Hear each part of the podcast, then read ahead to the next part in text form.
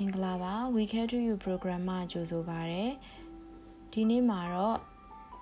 သွေးတွင်းအချိုရက်အပေါ်ဘလို့ချက်တွေကတက်ရောက်မှုရှိလဲဆိုတာကိုဗဟုသုတအနေနဲ့မျှဝေပေးသွားမှာဖြစ်ပါတယ်။စီးကြိုသွေးကြိုရှိသူများဟာသွေးတွင်းအချိုရက်ကိုမှန်မှန်စစ်ပေးဖို့လိုပါတယ်။အစားအစာဆင်ခြင်တော့လဲကိုလက်လက်ကျင်ငံမှန်မှန်လုပ်တော့လဲသွေးတွင်းအချိုရက်ဖောက်စစ်လိုက်တဲ့အခါထင်ထားသလိုမဖြစ်ပဲအဖြေကများနေတာကိုတွေ့ရတတ်ပါတယ်။ ဘလို့အချက်တွေက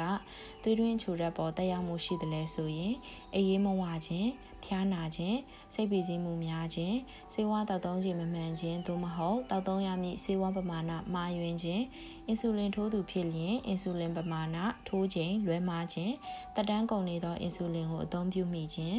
မိမိရခင်လုံနေကြမဟုတ်သည့်ပြင်းထန်သောအားကစားကိုပြုလုပ်မိခြင်း အရက်တောက်ခြင်းလေးလာချက်များအရာအစာမရှိဘဲအရက်ဘီယာတောက်လျင်သွေးတွင်းအချိုရက်မြင့်တက်နိုင်ပြီးအရက်ဘီယာတွင်အခြားသောကာဘိုဟိုက်ဒရိတ်ပါဝင်သောအချိုရည်များရောစက်တောက်ပါကလည်းသွေးတွင်းတကြားရက်မြင့်တက်စေပါတယ်ဒီအပြင်ဓမ္မတာလာခြင်းအမျိုးသမီးများတွင်ဓမ္မတာလာခြင်းဖြစ်တတ်သောဟော်မုန်းပြောင်းလဲသည့်သွေးတွင်းချိုရက်ပေါ်တက်ရောက်မှုရှိပါတယ်